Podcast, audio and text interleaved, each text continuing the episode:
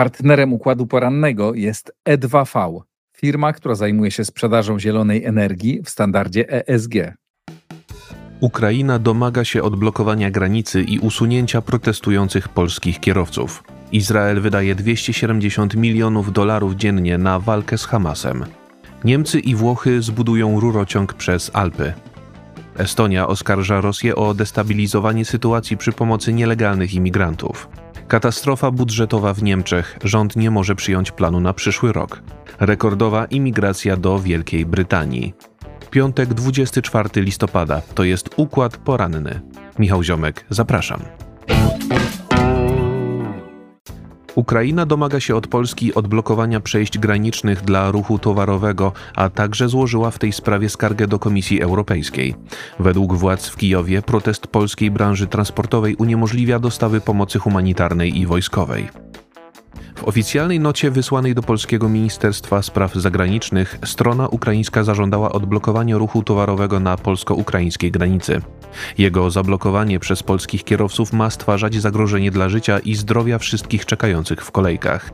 Rada Najwyższa Ukrainy w uchwale skierowanej do polskiego Sejmu i Senatu twierdzi, że trwająca już prawie trzy tygodnie blokada jest także zagrożeniem dla dostaw pomocy humanitarnej i wojskowej, zwłaszcza w obliczu działań Rosji wymierzonych w ukraińskie statki na Morzu Czarnym. Według stacji RMFFM Ukraina złożyła także skargę do Komisji Europejskiej. Bruksela próbuje pośredniczyć w sporze między Kijowem i Warszawą, ale prowadzone w tym tygodniu dwie tury rozmów nie przyniosły oczekiwanych rezultatów. Przedstawiciele polskiej branży transportowej protestujący na przejściach w Dorochusku, Chrebennem i Korczowej domagają się ochrony przed nieuczciwą ich zdaniem konkurencją ze strony ukraińskich firm. Komisja Europejska nie może spełnić niektórych ich żądań, bo mają być one niezgodne z prawem Unii Europejskiej. Chodzi tutaj głównie o postulat przywrócenia systemu zezwoleń dla ukraińskich przewoźników.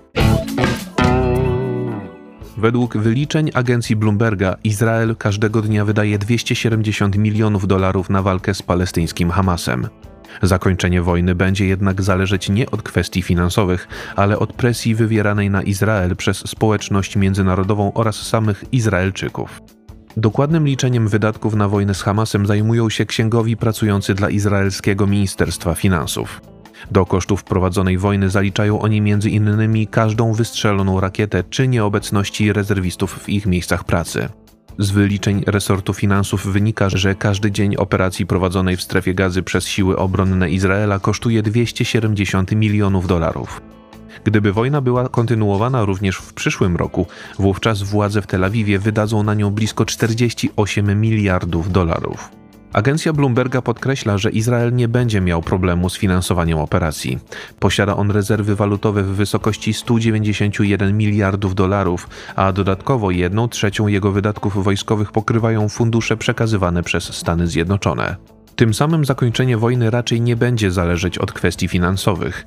Wpływ na taką decyzję ma mieć osiągnięcie celów wojskowych w walce z Hamasem, presja międzynarodowa na zakończenie wojny pogłębiającej kryzys humanitarny w Gazie oraz samo poparcie Izraelczyków dla działań podejmowanych przez rząd Netanyahu. Niemcy i Włochy zawarły umowę w sprawie budowy rurociągu wodorowego przez Alpy. Ponadto oba państwa zapowiedziały realizację szeregu wspólnych projektów wzmacniających wzajemne relacje polityczne i gospodarcze. Niemiecki kanclerz Olaf Scholz i włoska premier Giorgia Meloni wzięli udział w pierwszych od siedmiu lat niemiecko-włoskich konsultacjach rządowych. W ich trakcie podpisali m.in. liczący 37 stron plan dotyczący pogłębienia wzajemnych relacji polityczno-ekonomicznych w dziedzinach bezpieczeństwa, polityki imigracyjnej, energetyki czy klimatu. Jednym z najważniejszych wspólnych projektów Berlina i Rzymu ma być budowa rurociągu wodorowego łączącego Afrykę Północną, Włochy i Niemcy. Będzie on przebiegał przez Alpy, a więc przez Austrię lub Szwajcarię, albo równocześnie przez oba te kraje. Dzięki realizacji tej inwestycji Niemcy i Włochy liczą na sprowadzenie do Europy blisko 10 miliardów ton wodoru. Już dwa lata temu Scholz rozmawiał na temat pogłębienia wzajemnej współpracy z ówczesnym włoskim premierem Mario Dragim. Przejęcie władzy przez Meloni i różnice zdań w sprawie nielegalnej imigracji spowodowały, że porozumienie Berlina z Rzymem zostało zawarte dopiero teraz. Włoski portal analityczny Decode 39 zauważa, że umowy podpisane przez Scholza i Meloni mogą przyczynić się do rozwoju współpracy w trójkącie Niemcy, Francja, Włochy. Włosi mieliby wnieść do niego swój potencjał gospodarczy, bo pod względem produkcji są drugą gospodarką Unii Europejskiej. Estonia oskarżyła Rosję o celowe wykorzystywanie nielegalnych imigrantów do destabilizacji sytuacji w tym kraju oraz w sąsiedniej Finlandii. W ciągu ostatnich kilkunastu dni oba państwa odnotowały wzrost liczby osób składających wnioski o udzielenie azylu na terenie Unii Europejskiej. Minister obrony Estonii Hanno Pevkur wziął udział w posiedzeniu rządów resortów obrony państw nordyckich w Sztokholmie. Stwierdził przy tej okazji, że w ostatnich tygodniach rosyjskie służby prowadzą przygotowaną przez siebie operację celowego przepuszczania nielegalnych imigrantów na swoje granice z Estonią i Finlandią. Pewkur przypomniał, że w Rosji istnieje strefa przygraniczna, do której dostęp mogą uzyskać jedynie osoby posiadające specjalne zezwolenie od Federalnej Służby Bezpieczeństwa. Nieprzypadkowo więc na rosyjsko-fińskich przejściach granicznych pojawili się obcokrajowcy poruszający się rowerami, na dodatek pochodzący z tak odległych państw jak Jemen, Syria czy Somalia. Estoński polityk pochwalił szybką reakcję Finlandii. Pozostawi ona otwarte tylko jedno przejście graniczne, dlatego zdaniem Pewkura ważna jest właśnie szybka reakcja na pojawiające się zagrożenia. Jeszcze mocniej w tej sprawie wypowiedział się jego łotewski odpowiednik. Andris Spruc nazwał rosyjskiego prezydenta Władimira Putina władcą marionetek, który wykorzystuje przybyszów z Afryki i Bliskiego Wschodu do destabilizowania sytuacji w sąsiednich krajach. Rząd Olafa Scholza został zmuszony do przełożenia przyjęcia ustawy budżetowej na przyszły rok, co zdaniem niemieckich mediów jest największą katastrofą budżetową w historii Republiki Federalnej Niemiec. Federalny Trybunał Konstytucyjny uznał przeniesienie części środków za niezgodne z ustawą zasadniczą. Koalicja Socjaldemokratów, Zielonych i Liberałów chciała przeznaczyć na fundusz klimatyczny niewykorzystane środki na walkę z pandemią koronawirusa. Wyrok może również wpłynąć na kwestie związane z innymi rządowymi funduszami specjalnymi. W odpowiedzi na decyzję Federalnego Trybunału Konstytucyjnego Ministerstwo Finansów zdecydowało się na wstrzymanie zupełnie nowych wydatków.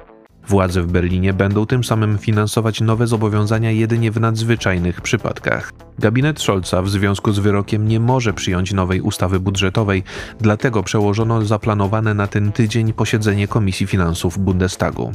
Na razie rządzący prowadzą konsultacje na temat przyszłorocznego budżetu, aby uwzględniał on orzeczenia Federalnego Trybunału Konstytucyjnego. Niemieckie media podkreślają obecną sytuację największą katastrofą budżetową we współczesnej historii kraju.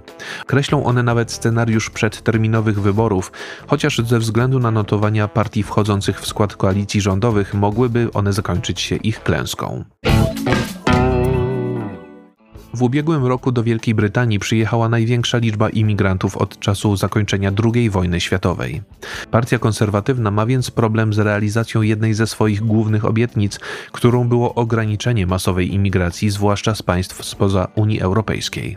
Brytyjski Urząd Statystyczny skorygował swoje wcześniejsze dane dotyczące salda migracji netto. W 2022 roku na Wyspy Brytyjskie przyjechało więc nie 606 tysięcy, ale ponad 745 tysięcy obcokrajowców.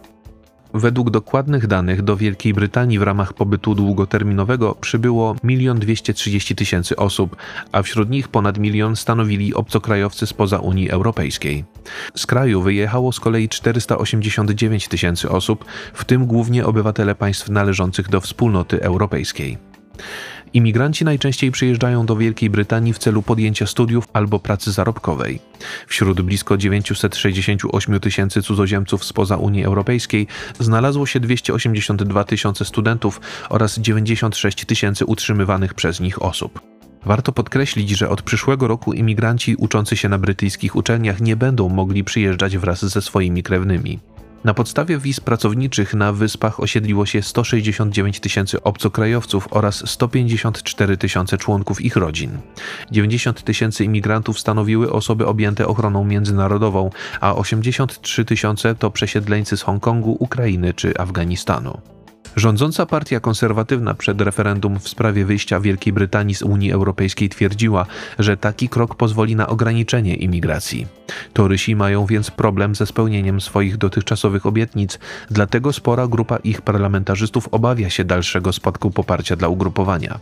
Zdymisjonowana w ubiegłym tygodniu minister spraw wewnętrznych Suella Braverman uznała wspomniane dane za cios zadany brytyjskiemu społeczeństwu, a także oskarżyła władzę o blokowanie jej pomysłów na ograniczenie imigracji.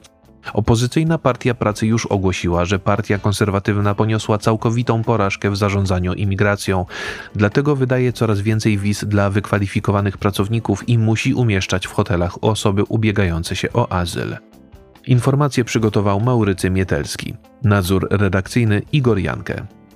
Jeżeli podoba się Państwu nasza praca, serdecznie zachęcam do wsparcia Układu Otwartego w serwisie patronite.pl. To wszystko na dzisiaj. Bardzo Państwu dziękuję za uwagę, życzę spokojnego weekendu i do usłyszenia w kolejnym Układzie Porannym. Partnerem Układu Porannego jest E2V, firma, która zajmuje się sprzedażą zielonej energii w standardzie ESG.